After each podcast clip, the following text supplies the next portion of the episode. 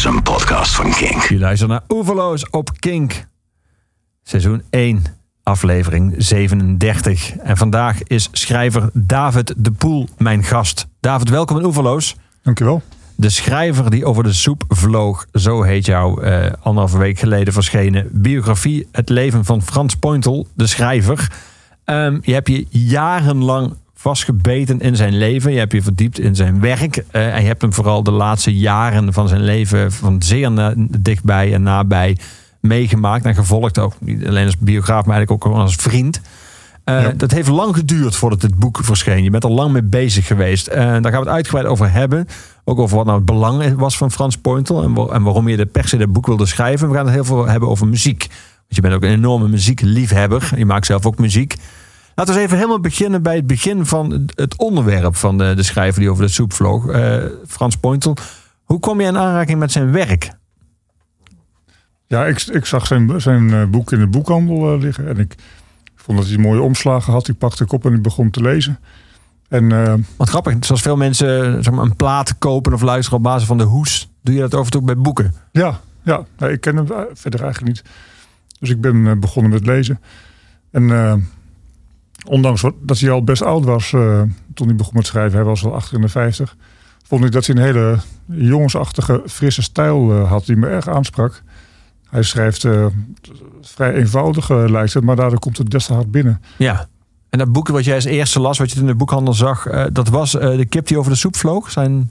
Nee, dat was de aanraking volgens mij. Oké.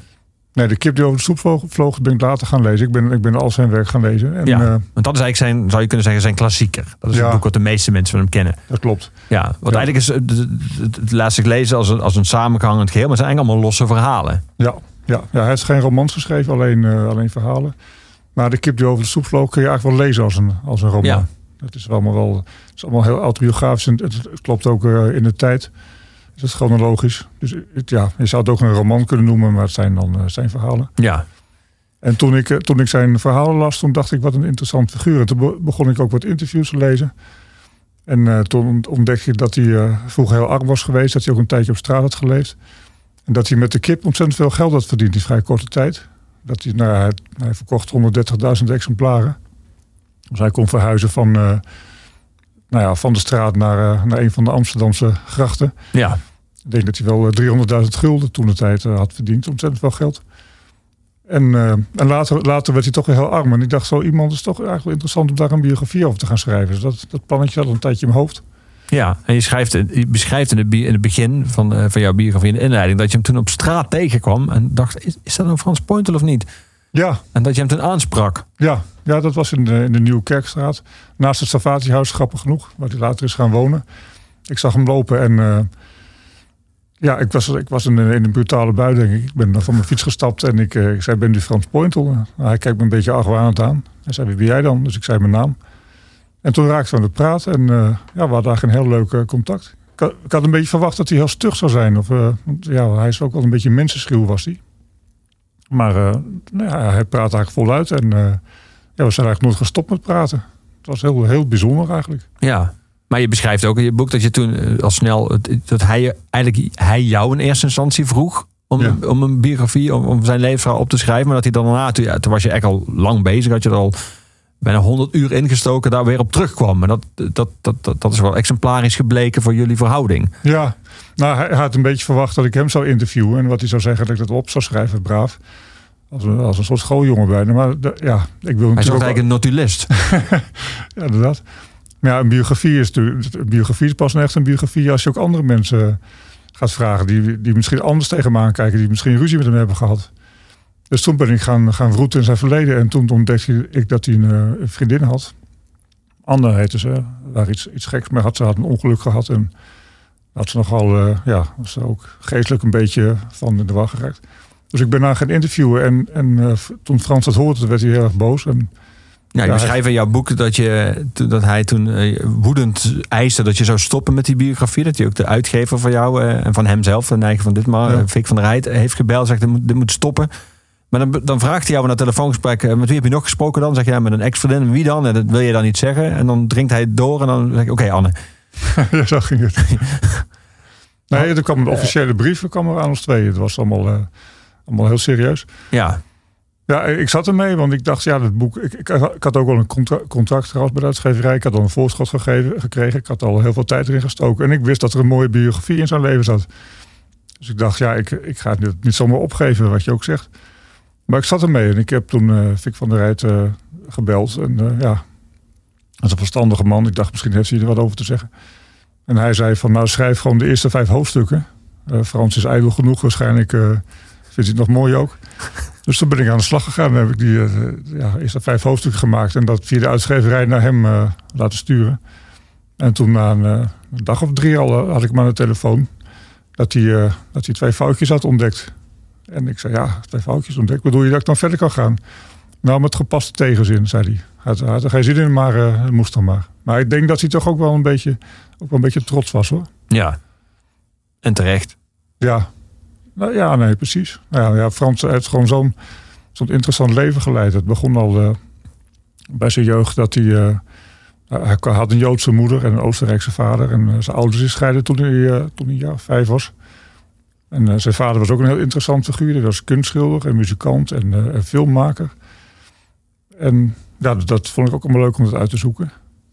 En Frans was een heel moeilijk jongetje. Die woonde in de oorlog wo- woonde die, in een pleeggezin in Krommenie. Terwijl zijn moeder eh, ondergedoken zat in, eh, in Amsterdam. Nou ja, gaandeweg kwam ik erachter dat, hij, eh, ja, dat het allemaal heel bijzonder was. En Ja. dat hij veel had meegemaakt. Heftige, echt heftige dingen ook. Gaan we het daar uitgebreid over hebben. Ik zei al, we gaan ook muziek draaien die je hebt uitgekozen. Want je bent een enorme muziekliefhebber. We beginnen met Pearl Jam. Je hebt een nummer uitgekozen wat niet, niet heel vaak, ook niet heel vaak in een live set zit. Spelen het af en toe wel. Het is van, de, van het derde album van Vitalogy. Toen voor sommige mensen Pearl Jam wat ingewikkeld begon te worden. Want ook een hele grillige, grillige plaat is dit. Na Nothing Man, die ze nog steeds vaak spelen, kwam Whipping. Een heel gejaagd, punky nummer. Waarom heb je deze gekozen? Om de, om de energie die erin zit. Als ik aan het schrijven ben, heb ik vaak een, eh, een hoofdtelefoon op. En dan luister ik naar dit soort muziek. En eh, ja, dat geeft me energie. Het is gewoon ook een fantastisch nummer. Ja, we gaan naar luisteren. Whipping van het album Vitalogy uit 1994. Hier is Pearl Jam. Bye.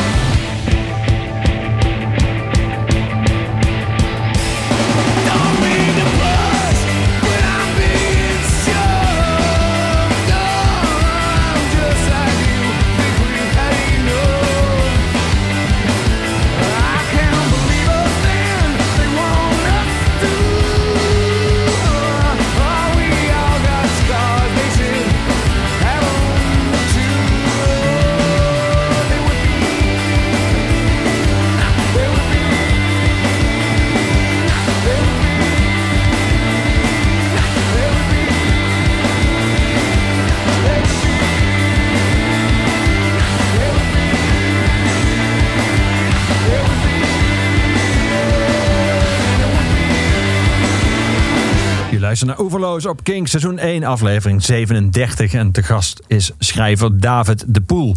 David schreef de biografie van eh, Frans Pointel, de schrijver. eh, de schrijver van eh, De kip die over de soep vloog. En zijn biografie heet De schrijver die over de soep vloog. Verscheen vorige week bij uitgeverij Nijg en van ditmaal ook de uitgeverij van Frans Pointel zelf.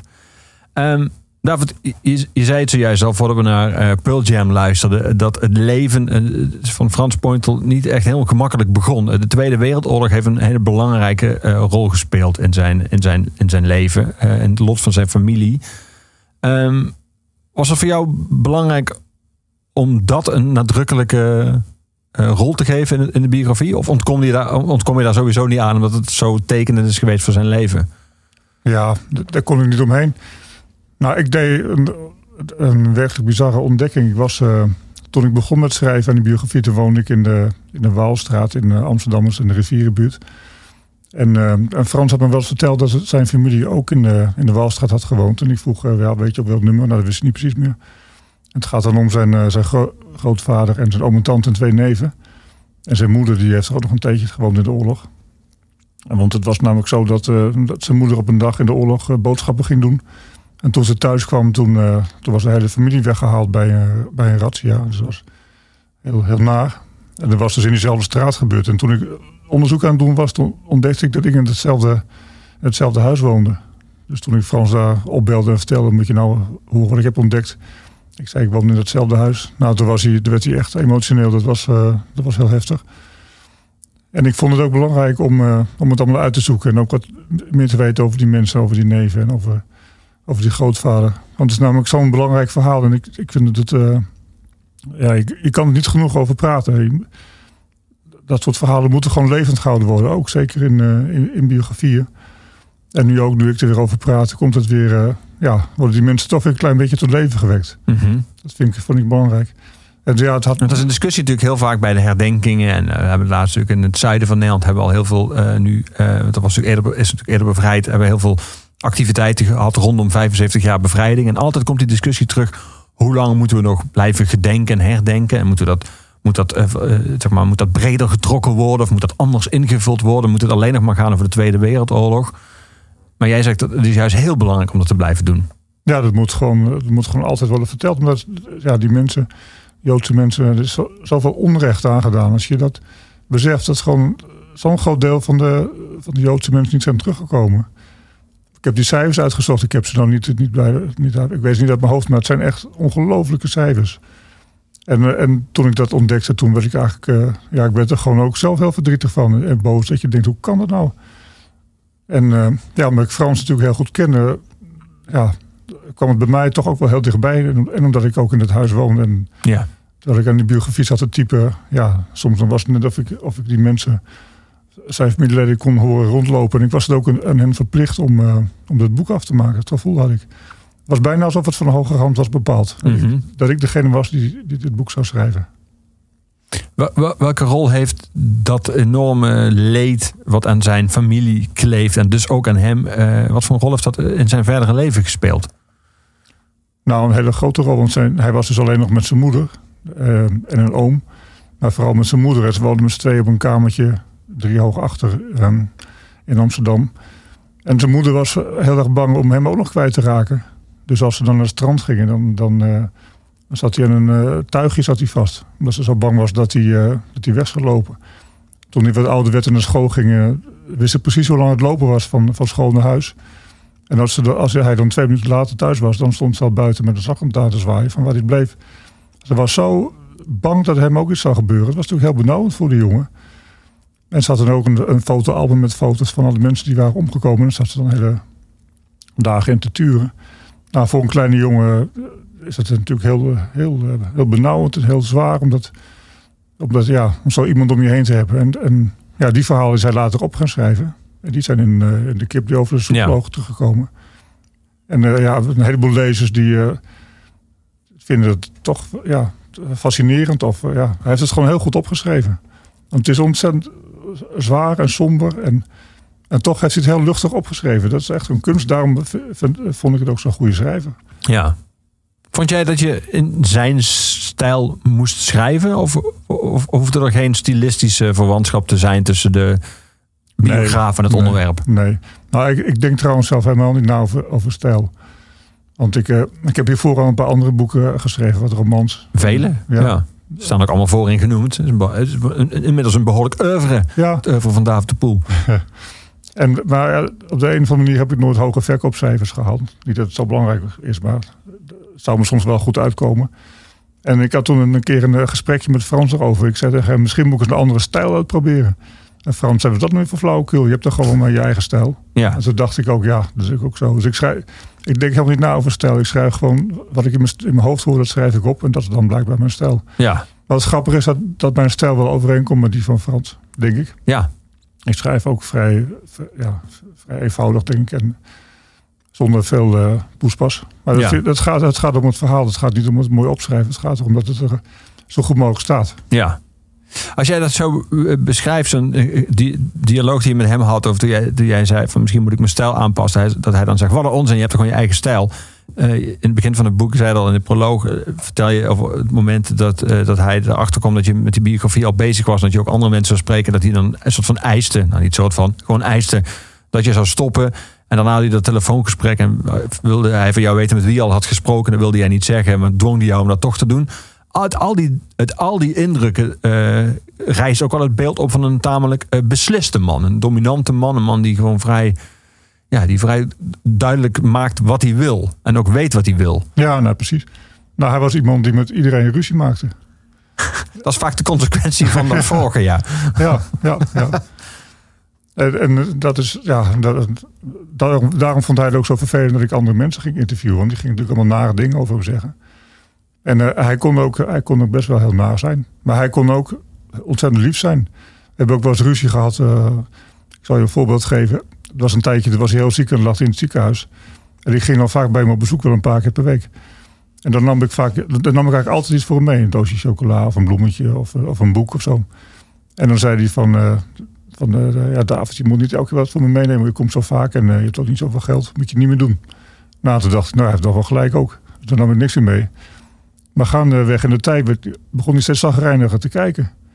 En eh dan een tijdje zei ik van, Frans, is er aan de hand? Daar zei ik, ik moet toch even met je praten. Ik zeg, ja, wat dan? Nou, zegt hij, ik vind je toch een beetje zuinig.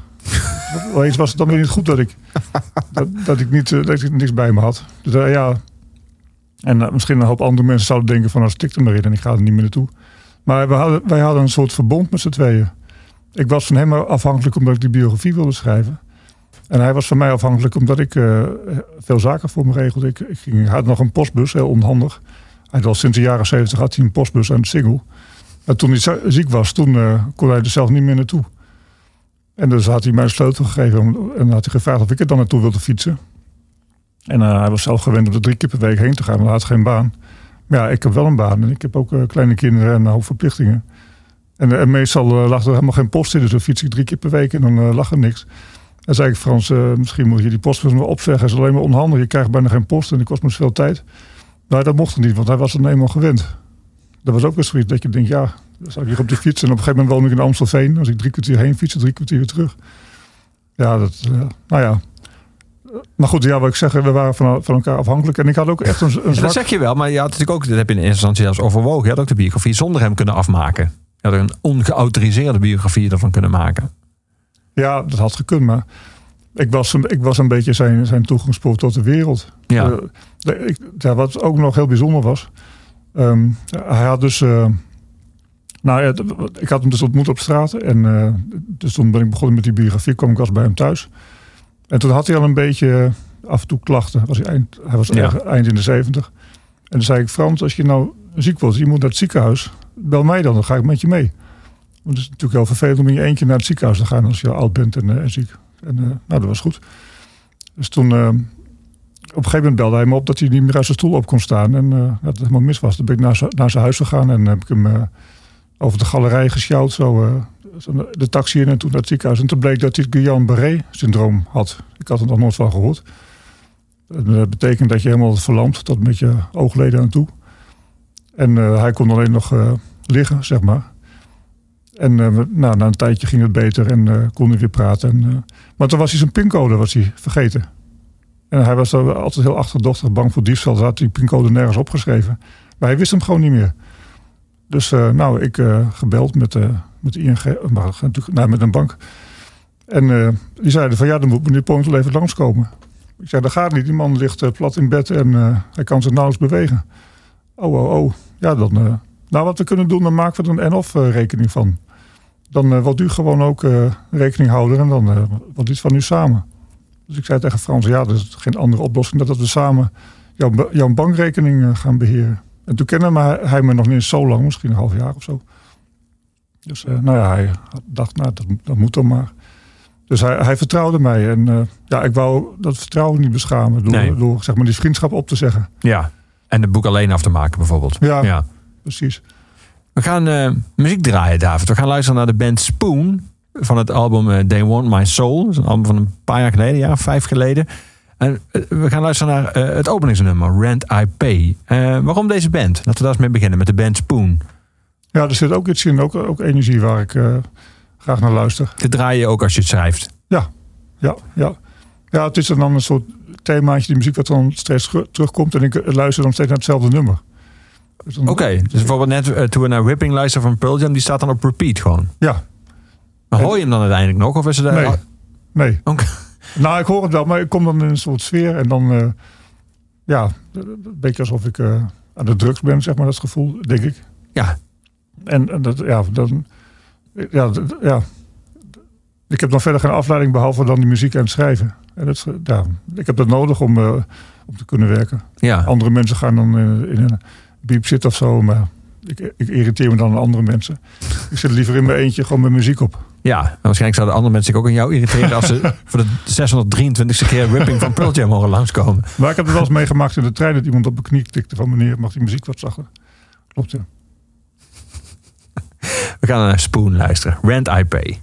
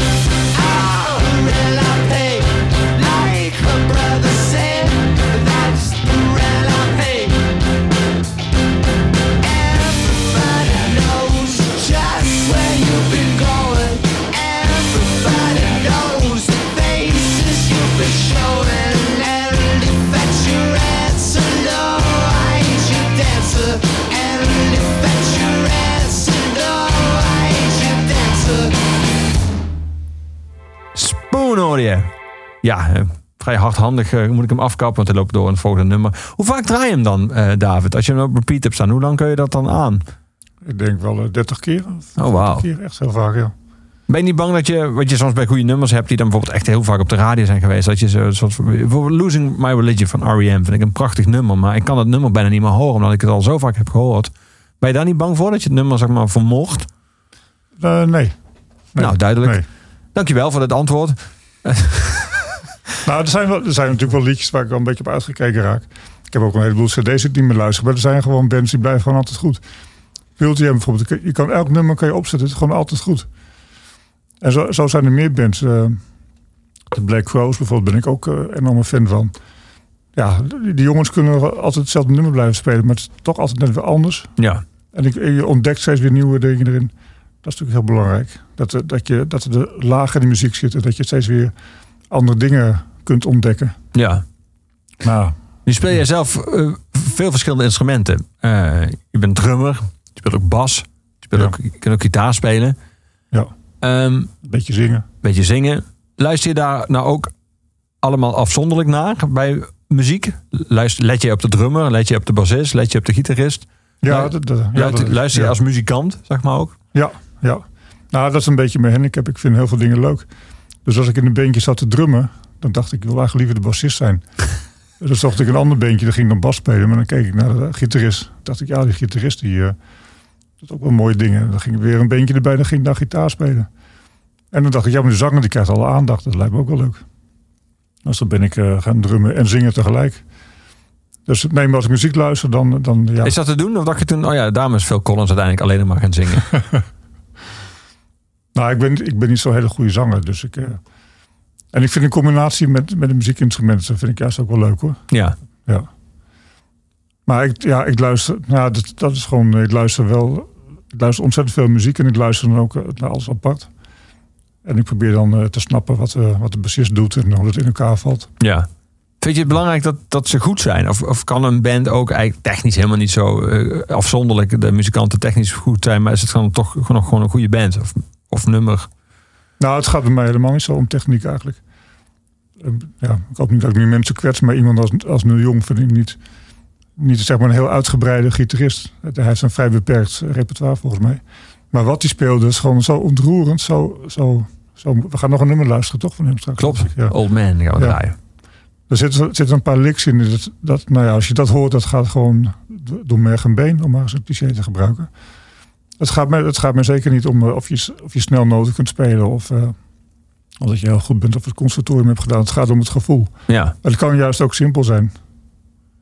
En ik, eh, ja, Kan, het ook, kan, kan het wel ook andersom? Of is, zoals je nu beschetst, zou je bijna zeggen dat het soort van eenvoud bijna het, het, een, een voorwaarde is voor het gevoel. Maar kan het ook heel technisch zijn en dan nog steeds die emotie overbrengen? Of loopt zelfs hier techniek zelfs een beetje de emotie in de weg? Nou nee, ik denk wel dat je techniek nodig hebt. Maar niet, niet per se. Het hoeft ook zeker niet in de weg te gaan zitten. Maar je moet niet gaan denken als muzikant van... eh, ik zal het leven laten zien wat ik allemaal kan. Om indruk te maken. Dat, daar is muziek niet voor bedoeld. Nee. Muziek is bedoeld om, eh, om emoties over te maken, eh, vind ik. Ja. Dus je bent meestal niet zo'n fan van de lange bas gitaarsolo. Nee, nee ik, ik ben wel eens naar een concert geweest van Slagerij van Kampen. Nou, ja, die, die drumband. Ja. ja. Dat is gewoon een hele lange drumsolo. Ja, precies. En de mensen dachten, nou David, die drumt, zal het wel leuk vinden. Maar ik ben al, met één minuut ben ik al uitgekeken. Dan vind ik het wel een beetje meer van hetzelfde. ik vind het een gra- grappig idee dat je een drummer denkt, ik geef hem nu gewoon een band die alleen maar bestaat uit drummers die alleen maar drummen. Dat vindt hij dan het, het summum. Ja, dat is, dat is helemaal niet zo. Nee, het is juist ook de combinatie van eh, die andere instrumenten. Ja. Zullen we Old Man gaan draaien? We hebben het nu over gehad. Daar heb ik ook wel zin om hem te horen. Ehm, van Neil Young. Is Old Man.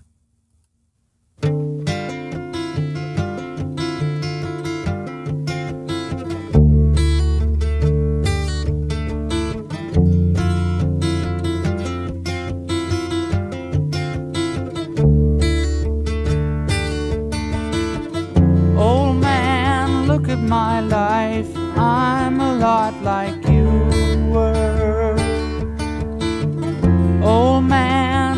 my life. I'm a lot like you were.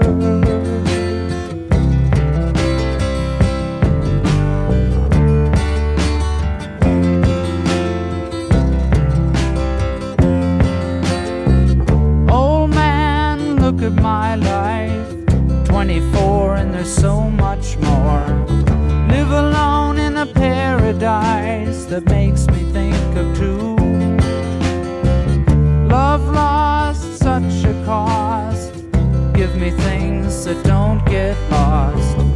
Like a coin that won't get tossed,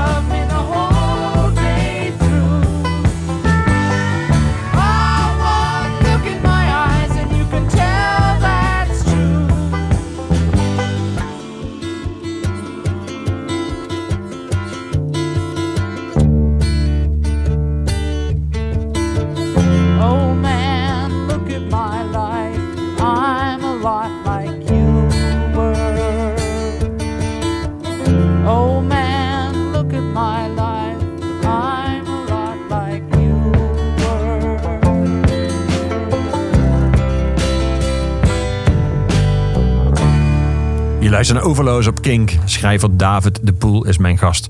Hij schreef De Schrijver die over de soep vloog. En dat is de biografie van schrijver Frans Pointel. David, het boek bestaat eigenlijk... Je duikt terug in het verleden. Je duikt in het leven van Frans Pointel en in zijn werk. En daarnaast heb je die laatste vele jaren van zijn leven... dat hij hulpbehoevend was en eh, zijn gezondheid eh, ernstig hem eh, op, opspeelde. Heb je veel aan zijn bed gezeten, veel met, tijd met hem doorgebracht... En die, die hoofdstukken, die, die wissel je af. Dus je gaat terug in het verleden en je beschrijft ook vanuit jouzelf eh, de, de laatste jaren van zijn leven. Dat jullie een, vriendschap ontwikkelden. Ehm, was het ingewikkeld voor jou om dat in elkaar te, in elkaar te weven? Want het zijn eigenlijk, het zijn niet zozeer twee boeken in één, maar het zijn wel twee paden in één boek. Ja. Nou, die, die aantekeningen over de laatste, laatste jaren hem, dat was ontzettend veel. Ik ging vaak bij hem op bezoek. In het begin elke dag, later om de twee dagen. En nog later één keer in de week. Zo, dat is Dus echt ik had- veel. Ja. En, elke keer ging je daar dan ook langs, ook als schrijver, in de zin van dat je ook dingen opschreef of daarna noteerde. Ja. Of zelfs. Nou, niet per se als schrijver, meer, als vriend of als... Ja, een beetje voor hem een beetje te helpen. Maar ik schreef wel alles op wat hij, wat hij meemaakte en wat hij had gezegd en zo. En uh, En wist hij dat? Bleef hij zich daarvan bewust? Of was dat dat besef helemaal weg dat jij ook daar literair Nou, dat, nee, dat wist je niet. Want ik, ik schreef het niet op als ik naast hem zat, maar ik, ik onthield het dan. En dan, eh, dan fietste ik naar huis en dan, dan stopte ik om de zoveel meter. En dan schreef ik weer iets op wat ik me dan herinnerde wat hij had gezegd. Ja. En uiteindelijk werd het een boek van eh 600 of 700 bladzijden. Dus ik had dat boek en ik had, en ik had er gewoon een biografie die al een paar honderd bladzijden was. En toen, eh, toen zei de Fik van der Rijt en Erik Dettinga, mijn uitgever, die zeiden, nou, dat was, dat was veel te dik, niemand gaat het lezen. Dus toen heb ik geprobeerd om daar, om daar één boek van te maken. Maar dat was heel moeilijk, want alles wat ik had opgeschreven, dat was me toch wel dierbaar. Omdat ik het allemaal zelf had meegemaakt. Ik vond het allemaal heel belangrijk. ja. Het, motto luidt dan kill your darlings, maar het waren gewoon te veel darlings. Ja, eigenlijk wel, ja. En toen ben ik een weekje in een, eh, in een huisje gaan zitten in Drenthe. En toen heb ik eh, alles uitgeprint en toen ben ik gaan, gaan schuiven en, en de belangrijkste stukken eruit gehaald. En uiteindelijk viel het allemaal precies op zijn plek. Dat was heel, heel wonderlijk eigenlijk. Ja.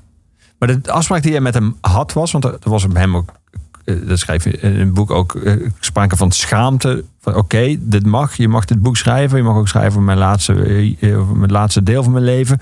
Maar het mag pas uitkomen als ik dan niet meer ben. Ja.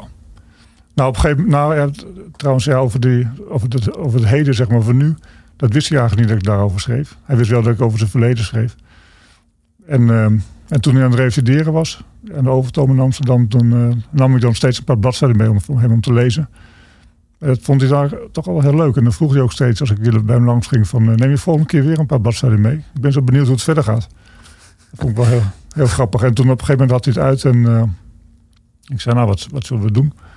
Nou, zegt hij, ja, ik, ik schaam me toch wel een beetje voor sommige dingen die ik heb gedaan in mijn leven. Dus ik wil liever dat je dat schrapt.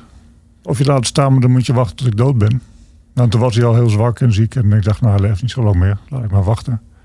Dus ik zei tegen Frans, ik wil dan wachten we toch eventjes. Maar dat duurde toch nog maar duurde toch nog een paar jaar. Voordat hij uiteindelijk echt, eh, echt overleed. Waar schaamde hij zich vooral voor? Nou, ik ga het niet allemaal opnoemen. Dan moet je de biografie maar gaan lezen. Ik kan, ik kan wel één voorbeeld geven. Ehm, hij heeft een tijdje samen gewoond met een man. Hij was eh, homoseksueel een tijdje. Ja, voor mij is het niet zo, eh, niet zo bijzonder. Voor een heleboel mensen denk ik niet. Maar hij was natuurlijk van een andere generatie. Ja. Dus voor hem was het wel iets waar hij zich, eh, zich voor schaamde. En hij, had ook, hij was een enorme kattenliefhebber. En hij had op een gegeven moment iets heel naast gedaan met een kat. Ik ga het dan niet, niet zeggen, maar moet je maar lezen. Maar het was iets waar hij de rest van zijn leven last van hield. Dat hij ook vervelend vond dat ik het had ontdekt. Ik vond het ergens in de interview. En hij is zijn moeder niet altijd leuk behandeld. Daar schaamde hij zich ook een beetje voor. Dus ja, er waren nog wat dingen eh, Ja. die eruit moesten. Maar dat waren ook dingen die hij zo eh, tekenend of illustratief voor zijn karakter vond... dat het geen overweging van jou was om dat er dan uit te halen. Want dan, dan, hadden- dan hadden we dit gesprek vijf jaar geleden kunnen voeren. Ja. Nou, ik zal je nog, nog een voorbeeld geven. In de oorlog heeft hij nog een tijdje in een wapenveld gewoond. Dat was een, eh, een gesticht voor eh, geestelijk gehandicapte mensen. Dat ontdekte ik. En dat vond hij heel na. Hij schaamde zich een beetje dat hij daar had gewoond. Terwijl, ja, ik vind het niet iets om je voor te schamen. Ja, misschien was het een goede plek voor hem om eh, op onder te duiken. Alhoewel de Duitsers op een gegeven moment ook zelfs daar ook eh, mensen weghaalden. Maar wel, ja, hij was nog een kind, dus eh, hoe kan je hem nou kwalijk nemen dat hij op, op zo'n rare plek zat? De- en ja, het hij heeft, al- heeft hem ook gevolgd natuurlijk. Hij heeft zich daar heel eenzaam gevoeld zonder zijn moeder. Dus ik vond het belangrijk dat het toch in de biografie kwam. Ik vond niet dat ik dat kon schrappen. Dat het zo'n belangrijk onderdeel van zijn leven was. Ja, ja. Ja, dat snap ik. Ja. We gaan muziek draaien, David. We gaan naar de Foo Fighters luisteren. Ehm, was jij al fan toen David Grohl, van David Grohl toen hij nog in Nirvana zat? Nee, toen let ik niet zo op hem. Toen was het gewoon een drummer. Nee, Nou ja, als drummer kijk je ook naar drummers. Dus ik dacht misschien viel hij je op als drummer. ja. Nee, eigenlijk niet. Hm. Maar ik ben, later ben ik wel eh, wat documentaires over hem gaan kijken. Wat ik zo goed van hem vind. Hij heeft eigenlijk geen, geen drumles gehad. Hij is gewoon gaan drummen zonder drumstel. Dus op, eh, op kussens. Gewoon in zijn slaapkamer is hij gaan slaan en met de muziek mee, meeslaan. Dus hij is een hele, hele gekke, gekke drummer eigenlijk. Hij heeft ook heel weinig techniek. Maar hij, hij is echt ontzettend goed. En dus zoals hij dan speelt hij ook gitaar. Heel ritmisch. En dus dat, ja, dat is voor hem wel heel, heel kenmerkend. Ja. En zijn muziek die hij met Foo Fighters maakt? Nou, ik vind niet alles goed, maar er zijn wel een paar liedjes die ik heel mooi vind. Ja, zoals deze, Skin and Bones gaan we naar luisteren. Waarom, waarom deze? Ja, dat, is, ja, dat heeft iets. Nou, dus ik kan niet altijd benoemen waarom ik muziek mooi vind, maar het heeft, ja, op een gegeven moment ontdekte ik het ergens op het internet en eh, ik dacht, ja, wat een mooi liedje is het. Ja. Zou, je op- zou, zou die de repeat-knop bij jou halen of niet? Ja, als je ook, schrijft. Ja, ja. echt? Heeft hij ook gedaan? Ja. We gaan even zitten allemaal nummers te luisteren die jij gewoon al 400 keer hebt gehoord. maar, goed, die wel eh, hebben geleid tot het boek uiteindelijk. Dus dat is al, dat is al mooi meegenomen. We gaan luisteren naar de Foo Fighters met Skin and Bones, de live versie om precies te zijn.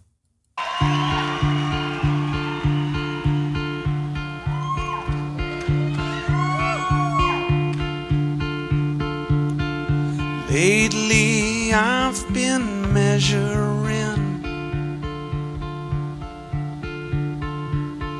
Seems my time is growing thin.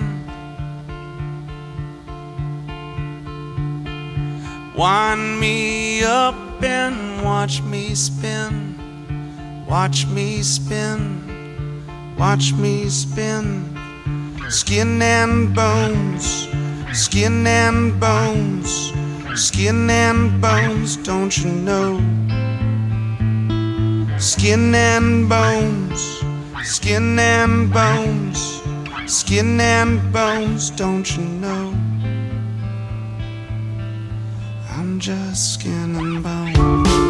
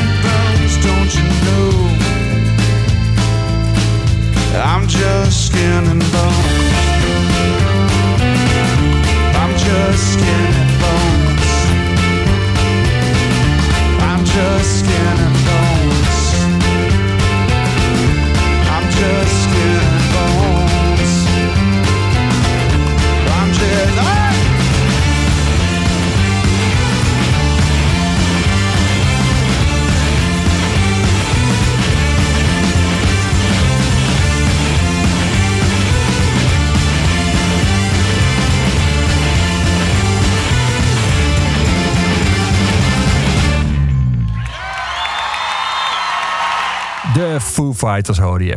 Ja, blijf een goed nummer inderdaad. Ehm, draai jij nog cd's? Je had een paar keer over het woord, je gebruikt het woord cd. Maar ben je nog een cd- en vinylkoper of niet? Of ben je inmiddels uh, verspotified of verdiezerd? Nee, ik, ben, eh, ik luister nog steeds cd's, gek genoeg. Ja. Maar ik heb een enorme collectie, dus ik eh, kan voorlopig nog eventjes vooruit. Ja, ik hoor best wel veel mensen die dat ook hadden. En die gewoon op een gegeven moment besluiten... Nou ja, ik luister toch gewoon nooit meer naar. Ik heb nu Spotify, dus ik doe gewoon alles weg. Ik zie ook af en toe op Facebook of zo mensen die hun hele cd-collectie wegdoen. Ja, Kun je daar iets bij voorstellen? jawel. Ik heb op een gegeven moment ook mijn LP's weggedaan. En singeltjes. Oei, Nou ja, ik zeg nu oei, omdat ik denk... Oh, daar zou je wel spijt van hebben. Maar zo, zo kijk je niet. Valt dat mee? dat valt. maar ik heb de, Je kan ze voor 20 keer dezelfde waarde weer terugkopen. Dat. Ja, is nou, nee. Nou ja, veel van de singeltjes die kocht ik toen ik een puber, puber was. En eh dat vind ik toch een beetje kinderachtig. Dat was ook een heel andere fase in mijn leven. Maar eh, ja, cd's luister ik nog steeds veel naar en graag. Maar je zegt van de kinderachtig. Maar vind je singeltjes kinderachtig? Vond je die muziek waar je toen Nee, naar muziek luisterde? vond ik kinderachtig. Wat was vroeger je smaak dan? Nou, Patricia Pai. Ja, ik neem aan dat je gewoon verliefd was op haar, of niet? Ja, ook dat ja. Ja. Ja. Nou, ik had, dit, nou dat singeltje dat kreeg ik trouwens van de kapper. Dat was heel grappig. Als je dan, ik woonde in een dorpje Beden, maar als je naar de kapper ging, dan mocht je, de, mocht je een singeltje uitkiezen. Kreeg je gewoon gratis bij. Wa- waaruit? Had hij dan een bak liggen? Met Ja. allemaal... Ja. Oh? En ik, ik denk dat ik Patricia Pai- Pai knap vond, of zo, ik weet niet. Ja, ook op basis van de hoes, zeg maar. ja, precies. Nou ja. Maar die heb je weggedaan. Die heb je verkocht aan een Patricia Ja. Pai fan. Nee, weggedaan volgens mij. Ja. Ja. Nou, ik ben nogal een verzamelaar, dus ik moet af en toe spullen wegdoen. Van wie? Nou, van mezelf. Hm. Nou, ook, ook wel van mijn vriendin trouwens. Ik zal het eerlijk toegeven. Ja. Ja. Als jij van die programma's eh, ziet, die heb je wel wel, dan John Williams of zo uiteindelijk komt helpen bij vrouwen die eh, met een man wonen die zeg maar, het huis onleefbaar hebben gemaakt omdat ze alles verzamelen. Eh, herken je daar dan iets in? Voor mij heet het die hoarders of zo wordt dat genoemd. Mannen die niets weggooien. Ja. Kijk je dan... Nou, ja, ja. Nou, ik ben gewoon heel positief ingesteld. Dus als ik allemaal boeken heb, dan denk ik, die ga ik vast nog wel eens lezen. Maar ja, als ik alles zou moeten lezen, dan heeft het niet lang genoeg voor. Dat gaat nooit lukken. Maar ik heb toch altijd de hoop dat ik ze nog wel een keer ga lezen. Ik Ja, het om ze weg te doen. Je bent een, een kast vol voornemens. ja. Ik heb best een grote, ik heb twee hele grote werkkamers op zolder. Dat is ook En- een nadeel. Hè? Veel ruimte betekent ook gewoon Ja. dat je veel ruimte hebt voor spullen. Precies. En dan heb ik twee hele smalle gangpaadjes. En voor de rest is het helemaal volgesteld. Nou, ik, ik hou, ja, behalve van muziek en, eh, en boeken hou ik ook echt van schilderen. Dus ik heb ook een plek ingericht met mijn ezel. En er staan allemaal schilderijen. En dan ben ik daar ook mee aan het werk. En tubetjes verf. En, eh, maar dan moet ik ook boeken hebben over schilderkunst. Dan ga ik me daar ook weer in verdiepen. Dus het breidt zich eh, zeg maar steeds, steeds meer uit.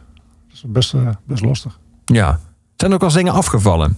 Zeg maar culturele bagage die, die je gaandeweg hebt losgelaten. Dat deed ik vroeger of daar luisterde ik vroeger naar of daar keek ik vroeger naar. Maar dat ben ik gewoon helemaal mee gestopt. Nou, ik heb, ik heb heel af en toe wel eens iets weggegooid, maar dan laat ik altijd spijt van. dus ik Ja. gooi hem liefst maar niet meer iets weg, denk ik. Nee. Nou, ja, afscheid van dingen genomen. Nee. Nou, ja, het- nou, toch wel hoor. Soms krijg je wel eens een boek van iemand. En dan, ja, probeer je dan is het een boek van niks. Nou, dan kan ik hem net goed weggooien. Ja. Als ik hem toch niet meer ga lezen, dan, dan mag hij wel weg. Om dan, dan door te geven, vind ik ook zo, eh, zo sukkelachtig. Dus dan gaat hij in de papierbak. Hm.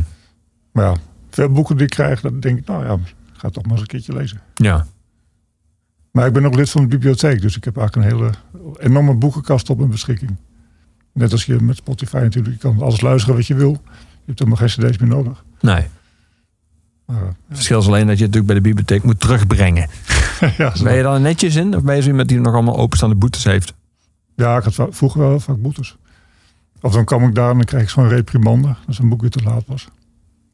Maar dan was ik gewoon ondertussen gewoon met andere dingen bezig. Had ik weer andere interesses. Was ik, was ik het hele boek weer een beetje vergeten. Ja. Ja, nou ja. Kon, kon je met Frans Pointel hier ook over praten? Praat hij over van alles? Ook over muziek en literatuur en, eh, en, en gewoon jouw interesses? Of, of ging het bij Frans Pointel ook heel veel over Frans Pointel? Nou, het ging wel heel veel over zijn ziektes. Dat, dat, dat wel. Maar nee, maar het ging ook wel, eh, het ging zeker ook over literatuur. Hij, hij las zelf ook heel veel en hij vroeg ook eh, of ik wel boeken voor hem wilde kopen. En nam ook vaak boeken mee uit mijn eigen, eigen collectie. En, eh, en als hij een boek eh, goed vond, dan, eh, ja, dan leende hij het uit aan mij dan las ik het en dan praten we erover. Nou, hij was ontzettend, ontzettend ontwikkeld. Eigenlijk had hij alleen de lagere school ge- gehad. Maar hij was, eh, ja, hij was echt heel erg belezen en hij wist, hij had ontzettend veel kennis. Ja. Hij was net zoals Dave Grohl, een soort self-made man Ja. op zijn vakgebied. Ja, ja precies. Ja. Dat vond ik ook heel bijzonder. Frans schreef vooral over zijn eigen leven. Hij schreef autobiografisch. En op een gegeven moment was hij daar een beetje op uitgekeken en wilde hij een, eh, een, een verhaal schrijven over een roman over Adolf Hitler. En dat verbaast me een beetje, want ja, Hitler heeft voor een heleboel ellende gezorgd in zijn leven. Dat je daar dan, dan nog energie in wil steken, dat verbaast me een beetje. Maar hij vond het juist fascinerend en hij las dan ook biografieën en, en boeken over Hitler. En eh, hij was daar heel veel mee bezig. Maar uiteindelijk kreeg je dat verhaal toch niet van de grond. Eh, ja. Had dan een verhaal verzonnen over een, over een klein meisje wat uh, leukemie had en toch dood zou gaan. En eh, die dan een, zogenaamd een bosje bloemen zou aanbieden aan Adolf Hitler. En dat zij dan een, een bom onder haar rokje had. Die dan af zou gaan, zodat Hitler dood, dood zou gaan. En was Hitler toen in, in, in dat verhaal al de, de, dictator? Of was hij toen nog, Nee. nog een gefrustreerde kunstenaar in Oostenrijk? Ja, precies. Ja, het laatste. Ja. Dus dan, ja, er was dan een heleboel ellende had hij kunnen voorkomen met zijn verhaal. Dat is natuurlijk wel de, de- ja, het mooie van schrijven. Dat je in zekere zin toch ook nog de geschiedenis een beetje kunt, eh, kunt veranderen. Al, Ja. al is het maar op papier. Ja. En dat was trouwens ook wel een beetje een, een handicap van, eh, van Frans. Ja, want was, als ik jouw boek lees, was hij ook niet een hele betrouwbare verteller. Hij maakte ook wel eens, eh, door dat, op, dat optreden bij eh, het programma van, van Dis, waar hij eigenlijk in één keer mee doorbrak, Ja. Daar vertelde hij ook gewoon wat hij dacht dat mensen zouden willen horen. Ja, nou precies. Ja. Nou, het gekke was, eh, als Frans iets had meegemaakt en hij schreef het daarna op, dan werd dat een beetje zijn nieuwe waarheid. Dus als ik hem vroeg naar De, een li- de, bepaalde... litera- de, zeg maar de literaire versie. Dat was Ja. vanaf dan de herinnering. Precies, ja. Dus als ik hem vroeg naar een bepaalde gebeurtenis, dan vertelde hij precies het verhaal zoals het in zijn boeken stond. En dan zei ik, Frans, ja, staat het ook in je boek. Maar dan had ik ontdekt dat het anders was, omdat ik bijvoorbeeld andere mensen had gesproken. En dan zei ik van, ja, dat klopt niet, want sowieso was het, eh, was het geval. En dan zei Frans, ja, sorry, maar ik weet gewoon niet beter. En eh, ja, mijn, mijn eigen verhaal is voor het echte verhaal geschoven. Dus in die zin was het heel, heel, heel lastig om eh, ja, hem als eh, onderwerp voor een biografie te hebben. Ja. Maar hij, hij was zich er dus wel van bewust. Dat dat had plaatsgevonden. Die verschuiving van het verhaal zoals het echt was gebeurd naar zijn literaire versie daarvan. Ja, als ik hem ermee confronteerde. Ja. Bij Adriaan van Dis vertelde hij dat hij, eh, dat hij op, zolder werd opgesloten bij een, bij een gezin. Dat hij een paar dagen niet naar beneden mocht en geen, geen eten kreeg. En ook eh, was geslagen door, eh, door die gastvader, zeg maar. Of pleegvader. En eh, ik ontdekte dat het helemaal niet, helemaal niet waar was. Ik heb die mensen opgezocht. Tenminste, de pleegzus en de pleegbroer. En waren hele lieve mensen. En die hadden een heel ander verhaal. En dan zei tegen Frans van, hé, dat verhaal klopt niet. Ja, toen dacht ja, het was ook, zei hij, het was ook zo'n verwarrende tijd. Misschien waren het andere mensen, dat wist hij niet zo goed meer. Maar hij, hij gaf het wel toe, dat hij mis had. Dat vond ik ook wel weer galant van hem. Ja. Kashmir gaan we draaien. Uit eh, 2005 van het eh, album No Balance, no Balance Palace. Eh, waarom, waarom deze? Heb je, die, heb je die met terugwerkende kracht eh, ontdekt, dit album? Of was je dat toen al meteen, 14 jaar geleden, Nee, met, nee, eigenlijk met terugwerkende kracht. Oké. Nou, het leuke is van, van YouTube vind ik dat je soms op eh, ontdekkingen doet. Als je het ene filmpje kijkt, dat wordt er iets anders aangeraden. En vorig jaar was ik, vorig, vorig jaar was ik in Florida om aan een eh, boek te werken. En to- toen ontdekte ik die muziek. En toen eh, ja, begon ik er ook steeds naar te luisteren. Maar dan niet steeds hetzelfde nummer, maar dan wel een ander nummer. Maar wel van dezelfde band. Ja. Er zat wel iets meer variatie in. Heb je ze ooit live gezien of niet? Nee, Heb, je- nee. Leidt het een bij jou over het algemeen tot een soort van honger naar het andere? Of hoeft dat niet? Als jij een band heel tof en denkt, oh, dan wil ik ook wel eens zien hoe ze op een podium zijn. Of... Nou, ik vind het juist fijn om ze, om ze niet live te zien. nee, want, dat, nee. want eh, als, ik, als ik het op mijn eh, koptelefoon luister, dan heb ik een eigen beeld van hoe iemand eruit ziet. En eh, dan hoef ik ze verder ook niet te zien eigenlijk. Dat vind ik fijn om ze juist niet, niet live te zien. Ja, of ze allemaal moeten spelen als stoel. Dat ze gewoon in het schemeldonker staan. ja, Ja. she's made of shark. Hier is Kashmir.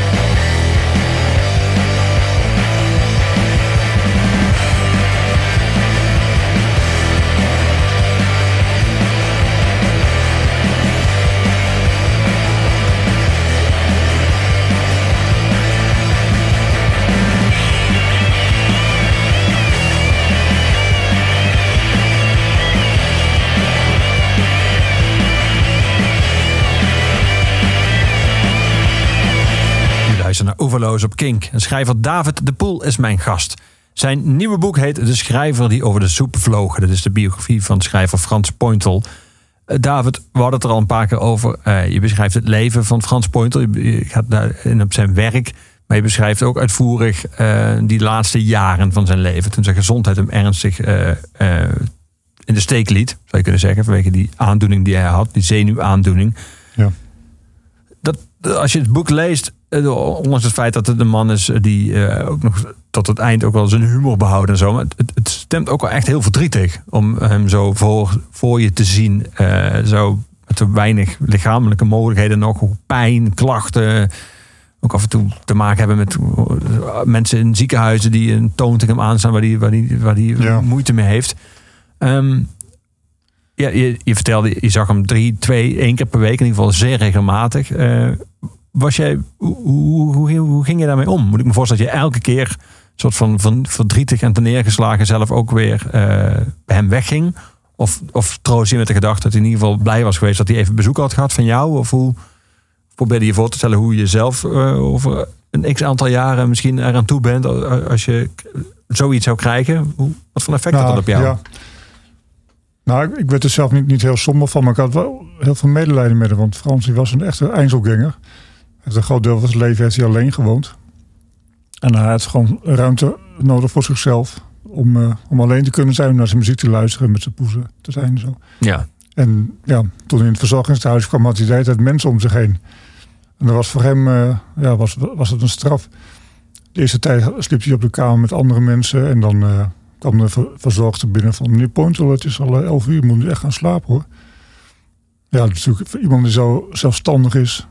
is het natuurlijk heel, heel moeilijk om daarmee om te gaan. Of dat ze aan zijn bed kwamen van... meneer Pointel, heeft u wel uw, eh, al die medicijnen, medicijnen ingenomen? Ja, het was een beetje betuttelend. Eigenlijk Ja. had hij weer zijn, zijn, eh, zijn moeder weer terug. Daar kwam het wel een beetje op neer. Ja. Ja, dat was, ja, het was, voor, was voor hem heel naar. En daarom was ik wel heel blij toen hij op een gegeven moment een eigen kamer kreeg. Dat, eh, in, in het begintijd dat hij, eh, dat hij daar woonde, was in het. Toen uh, leefde Ramses Shaffi nog. En, eh, op een gegeven, en die was op een gegeven moment heel ziek en eh, we hadden hem al een paar dagen niet gezien. Dat zei ik ook tegen Frans. Ik heb Ramses Shaffi al een tijd niet gezien. En toen zei Frans, nou misschien komt er binnenkort wel een kamer vrij. Dus hij zag het toch weer... eh, hij zag het ook wel een beetje positief. Ja. En, Maar dat vond hij eh, het moeilijk, hè? Want hij beschrijft ook dat hij bijvoorbeeld Simon Vinken ook... daar keek hij bijna met jaloezie naar hoe die man tot, tot het echt mis met hem ging. En hoe die zich, zelfs toen hij even zijn been werd geamputeerd... dat hij altijd soort van vrolijk en optimistisch bleef. ja, Dat, dat, dat, dat had hij zelf niet. nee, nee, nee. Eh, eh, ja, Frans, eh, Frans, hij hield ook niet van feestjes. Hij hield niet van, eh, van cafés. Hij hield ook niet van uitgaan. Hij had één keer een kaartje gekregen voor het, eh, voor het boekenbal. En eh vond hij het maar gek dat hij moest betalen voor zijn drankje. En hij liep er een beetje rond van, ja, wat doe ik hier eigenlijk? Hij snapte er niks van. Ja, En toen hij later kaartjes kreeg voor het boekenbal, eh, nou, gaf hij ze me weg. Maar hij vond er zelf niks aan. Ja, het was zeker geen feestganger. echt een loner. Ja, ja. En ook toen, eh, toen de kip die over de soep vloog uitkwam, zijn, zijn bekendste boek. Maar hij had er dus echt jaren en jaren had hij eraan zitten schaven en werken. En nou, toen, toen kwam het boek uit. En toen wou hij ook geen boekpresentatie. Hij wou gewoon liever thuis zijn. Met eh, een beetje tv kijken. Zonder, eh, zonder aandacht, zonder handtekeningen uitdelen. Dus eh, ja, hij was gewoon heel graag alleen. En dat hij dan ja, ja, op het eind van zijn leven steeds met andere mensen zat opgescheept. Dat was, vond hij heel moeilijk. Ja, Hij hield bijvoorbeeld ook niet van, niet van kerstmis. En zat hij dan in de eetzaal. En dan stond, hij had dan een tafel voor zichzelf. En er stond er dan een kerststukje op zijn tafel. Nou, dat kerst vond hij me niks. En de gezelligheid vond hij me niks. Dus hij zette het kerststukje weg op een andere tafel. En de volgende dag stond het kerststukje weer op zijn tafel. Dus Frans zette het weg. Nou, de dag daarna stond een stukje weer op zijn tafel. Nou, er was iets zat en toen belandde het kerststukje in de prullenbak. En ook als er Sinterklaas werd gevierd, dan, eh, nou, dan zat iedereen gezellig eh, beneden te klappen en te zingen. En Frans zat dan in zijn eentje boven in de eetzaal. Was hij blij dat hij even, even tijd voor zichzelf had. Dus eh, ja, maar hij was ook wel iemand trouwens die... eh, die dat is ook trouwens ook iets wat niet... bedoel, eh, dat is ook niet iedereen gegeven om alleen te kunnen zijn. Sommige mensen die, die houden van gezelschap, maar sommige mensen kunnen ook gewoon niet alleen zijn. Die kunnen niet alleen hun eigen gezelschap verdragen. ja, Dat kon hij dan wel weer. ja. Nou, hij had ontzettend veel LP's en hij, hij luisterde graag naar muziek en hij las heel veel.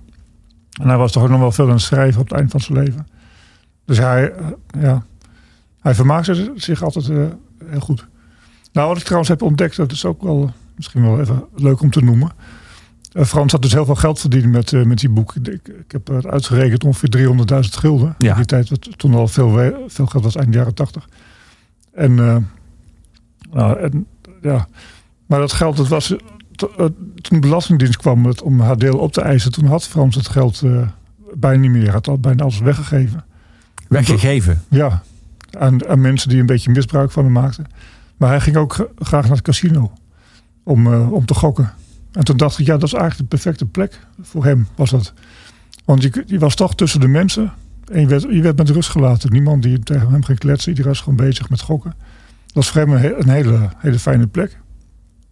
Maar ja, dus toen had hij heel veel geld verdiend en eh, toen de Belastingdienst kwam om haar deel op te eisen, toen moest hij, eh, moest hij weer leningen gaan afsluiten om, ja, om de Belastingdienst te kunnen betalen.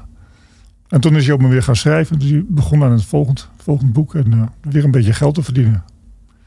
Maar hij heeft trouwens nooit meer dat eh, succes gehaald van zijn, eh, van zijn debuut. Frustreerde hem dat? Ja, ja daar was hij wel, wel teleurgesteld over. Maar ja, van de kip verkocht hij ongeveer 130.000 boeken. En de, de titel daarna waren het er, ik geloof 40.000. Vond hij dan enorm tegenvallen. Maar ja, als, als schrijver mag je tegenwoordig blij zijn als je 40.000 boeken verkoopt. Dus tegenwoordig is dat een bestseller. Ja. Dus je moet het ook een beetje in perspectief zien. En 40.000 eh, boeken, ja, levert toch ook misschien wel een, een ton op toen Ja. in die tijd. Ja. Wel Heel veel geld voor iemand die van de uitkering leeft. Tina Dico. Wie is zij? Ik had nog nooit van haar gehoord. Ik ontdekte haar ook van, de- van YouTube. Ik zat vorig jaar zat ik in een klooster in eh, Oosterhout. Ook te schrijven. Ook te schrijven. Je bent En in Californië geweest tot in een klooster. Dit boek is op de meest verschillende plekken tot stand gekomen. Ja, eigenlijk wel. Ja. En, eh, ja, en ze kwam voorbij en ik, ik was helemaal gefascineerd door die stem en, en hoe ze gitaar speelt. En toen ik eens eh, goed naar de keek, vond ik haar ook nog heel aantrekkelijk. Ja. Ze is Deens. Ze heeft zelfs een Grammy ooit gewonnen voor Best Songwriter. Ja, Eh, het nummer begint ook heel mooi, dromerig. En, en gitaarspel is wel bijzonder. ja, ja vind ik ook. Ja. Ja, het is, eh, ja, is iemand om verliefd op te worden. Volgens mij is het al gebeurd. Volgens mij is zij jouw nieuwe Patricia Pai. Count to ten.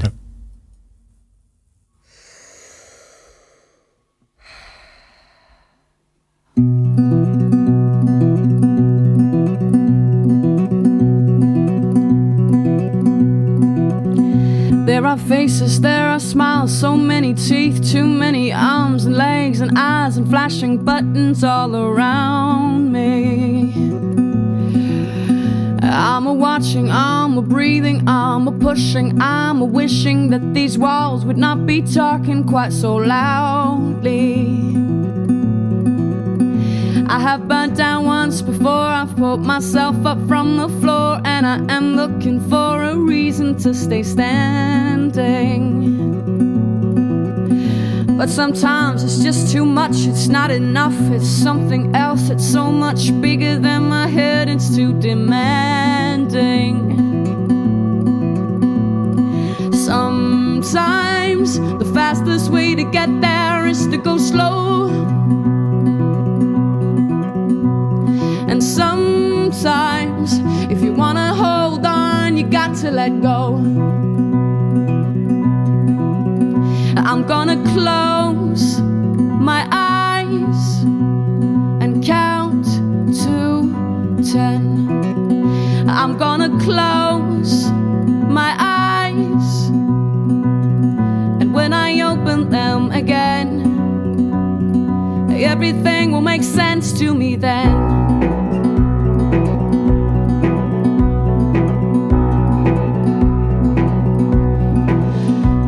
I have met so many people, we've exchanged so many words, we've said it all, and we've said nothing, but it's changed us. I have known a lot of men, some were lovers, some were friends, but all together were they merely passing strangers? They'll control you with their silence, they'll control you with their words, and you'll control them with your body's coded signals. In the wild, entangled gardens of our insecurities, we lose our heads into each other's hidden pitfalls. Sometimes the fastest way to get there is to go slow.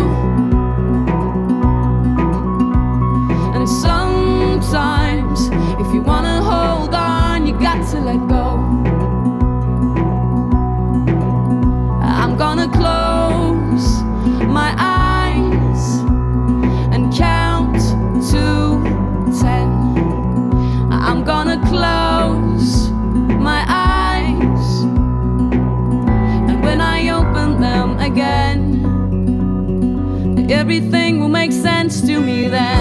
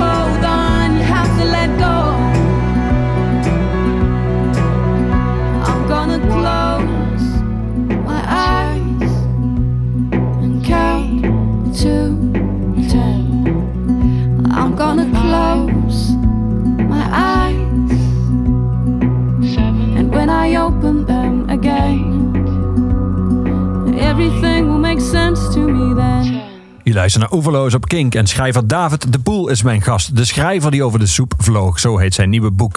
Het is de biografie van Frans Pointel. Niet alleen verscheen dat boek, kleine twee weken geleden, de, eh, de biografie van Frans Pointel. Maar daarnaast eh, bezorgde David ook nog het eh, nog dikkere en ook wel prachtig uitgegeven overigens, verzameld werk van Frans Pointel. De, soep, de kip die over de soep vloog en andere verhalen en gedichten. Sommige wa- waren, waren al verschenen, een heel groot deel ook nog niet.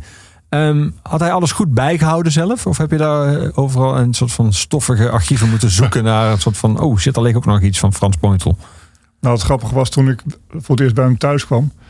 Wil ik wel eens even kijken hoe zijn oeuvre eruit zag. Ik wist het niet precies. Toen had hij maar één boek van zichzelf. De, de rest had hij helemaal weggedaan. Dat interesseerde hem niet zo. Ja, Hij had helemaal geen maar zelfs dingen waarvan hij vond dat niemand ze meer moest lezen en die hij zelf had opgekocht en weggedaan. Schreef je. Ja, klopt. Ja, ja. Nou ja, had eigenlijk een archief voor niks.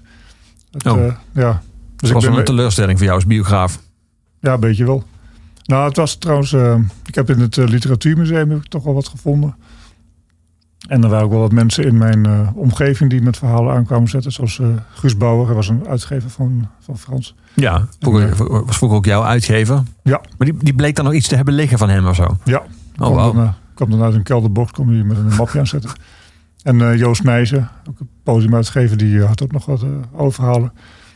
En, Maar dat is allemaal, je noemt allemaal uitgevers. Hij heeft er allemaal ooit dingen naar, naar opgestuurd. Zo van, kijk maar of er iets mee kan of zo. En, was hij dat zelf vergeten of het is nooit uitgegeven? Of hoe ging dat dan? Wat, wat voor Ja. leven hebben die verhalen ge- geleid dan? Ja, die was hij dan vergeten. Hm. Maar hij was ook een on, want hij, hij maakte ook vaak geen kopieën. Dus dan stuurde hij een verhaal op en vervolgens was hij het kwijt. Was dan de enige versie? Ja, ja, ja. Dat was ook, dit was allemaal nog in de typemachine tijdperk, neem ik aan. Ja, Ja. precies. En, ehm, en later had hij een fase dat hij juist heel veel versies ging maken. dus dan maakte hij een versie, toen hij al begon met publiceren. Dus schreef hij bijvoorbeeld voor de tweede ronde, een literair, tijdschrift. En dan stuurde hij een, eh, een, een versie op van een verhaal, versie 1. Dan had hij het weggestuurd. En dan ging hij het nog eens lezen. En dan dacht hij, ja, shit, dat einde is niet helemaal goed. Dan ging hij het veranderen. Dan kwam versie 2 erachteraan. Uh, dan ging hij dat ook weer eens even lezen. dacht hij, ja, het middenstuk is ook wel een beetje gek zo. Ging hij dat weer veranderen. Het werd nummer, versie nummer 3 werd op de post gedaan. En tegen de tijd dat er dan een redactievergadering was, had ieder redactielid een heel ander verhaal in zijn handen. Dat was heel verwarrend.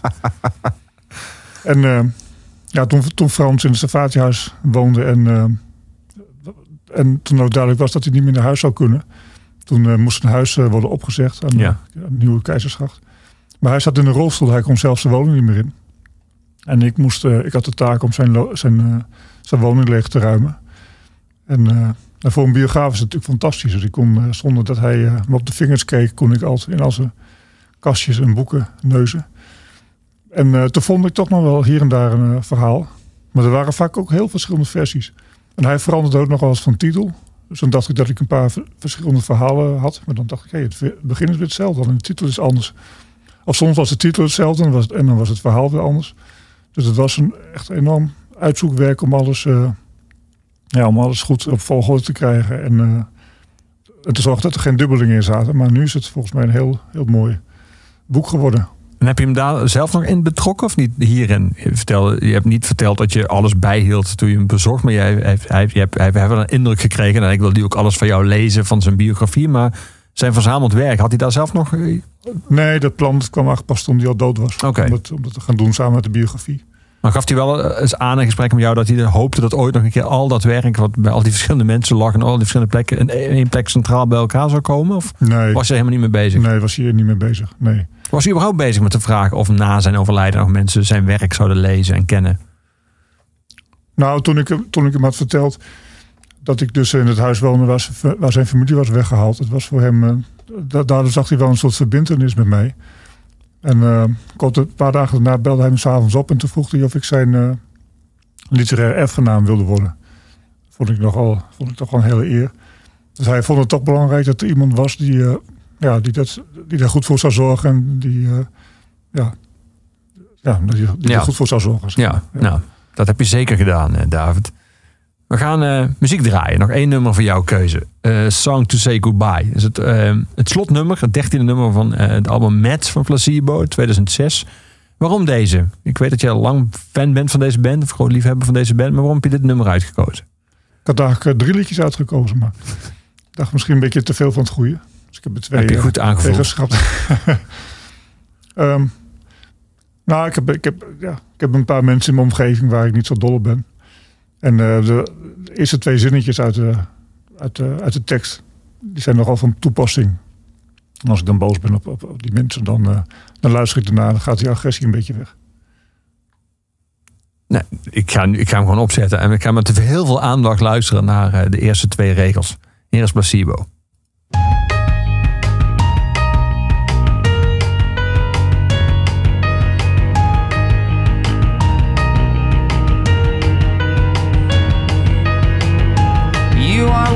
Of God's mistakes. You crying tragic waste of skin. I'm well aware of how it aches. And you still won't let me in.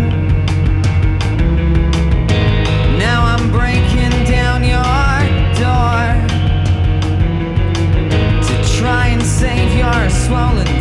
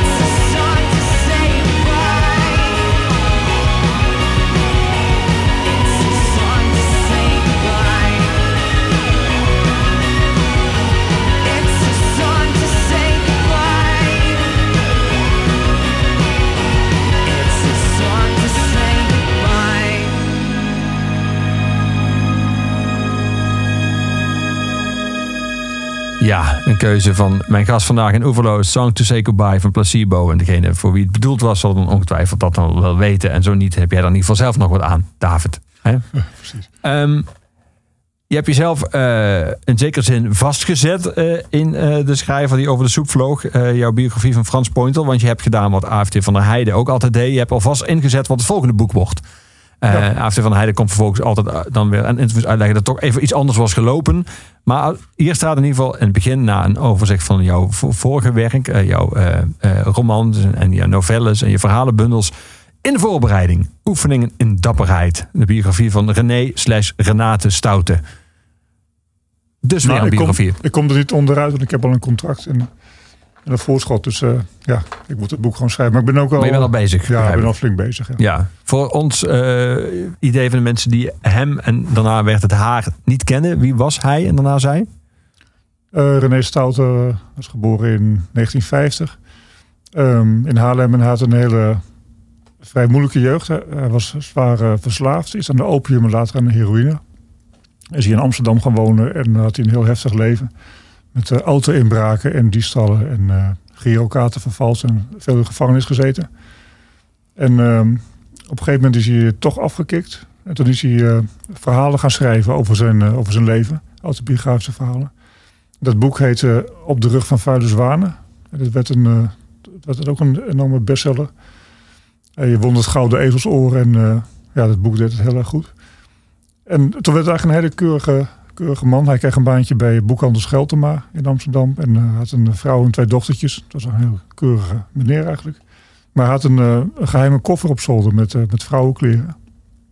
En eh, ja, hij verkleedde zich af en toe als vrouw.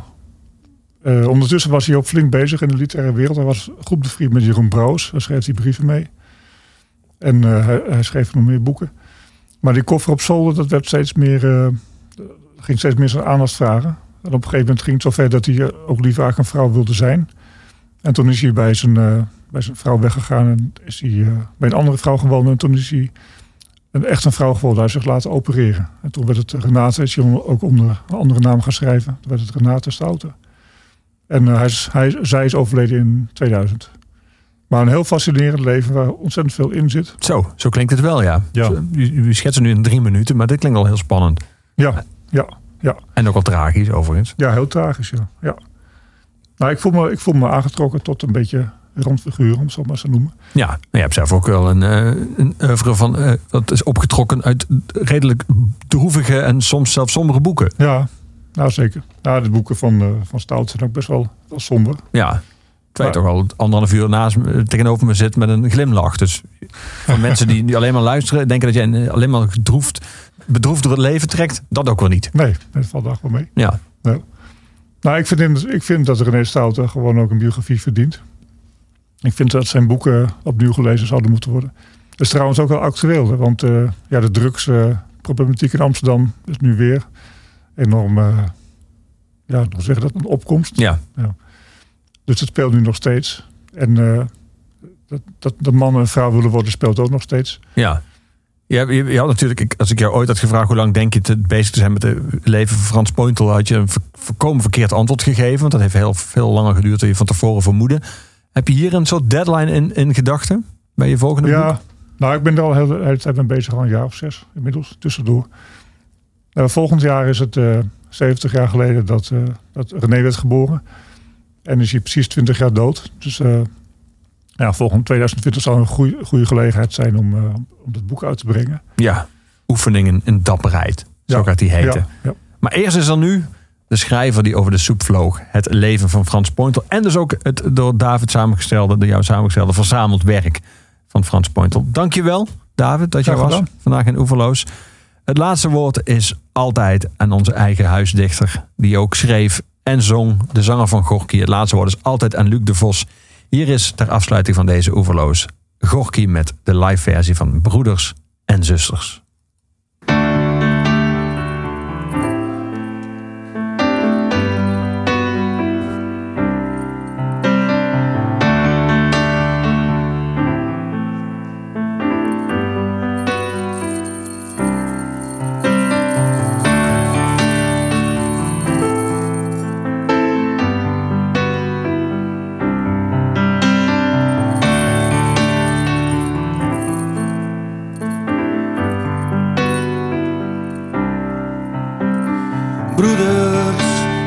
Zusters, luister eens naar mij.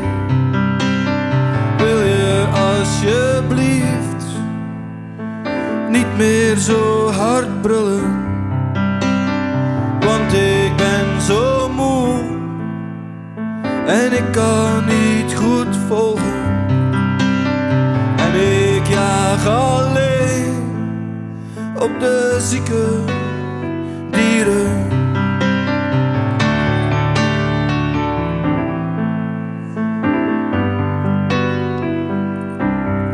En ik zal niet lang meer leven, nog hooguit vijftig jaar.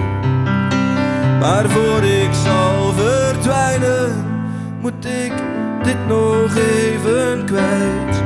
Jullie moeten niet zo dom doen en af en toe eens zwijgen. En je moet van alles leren dat je later wat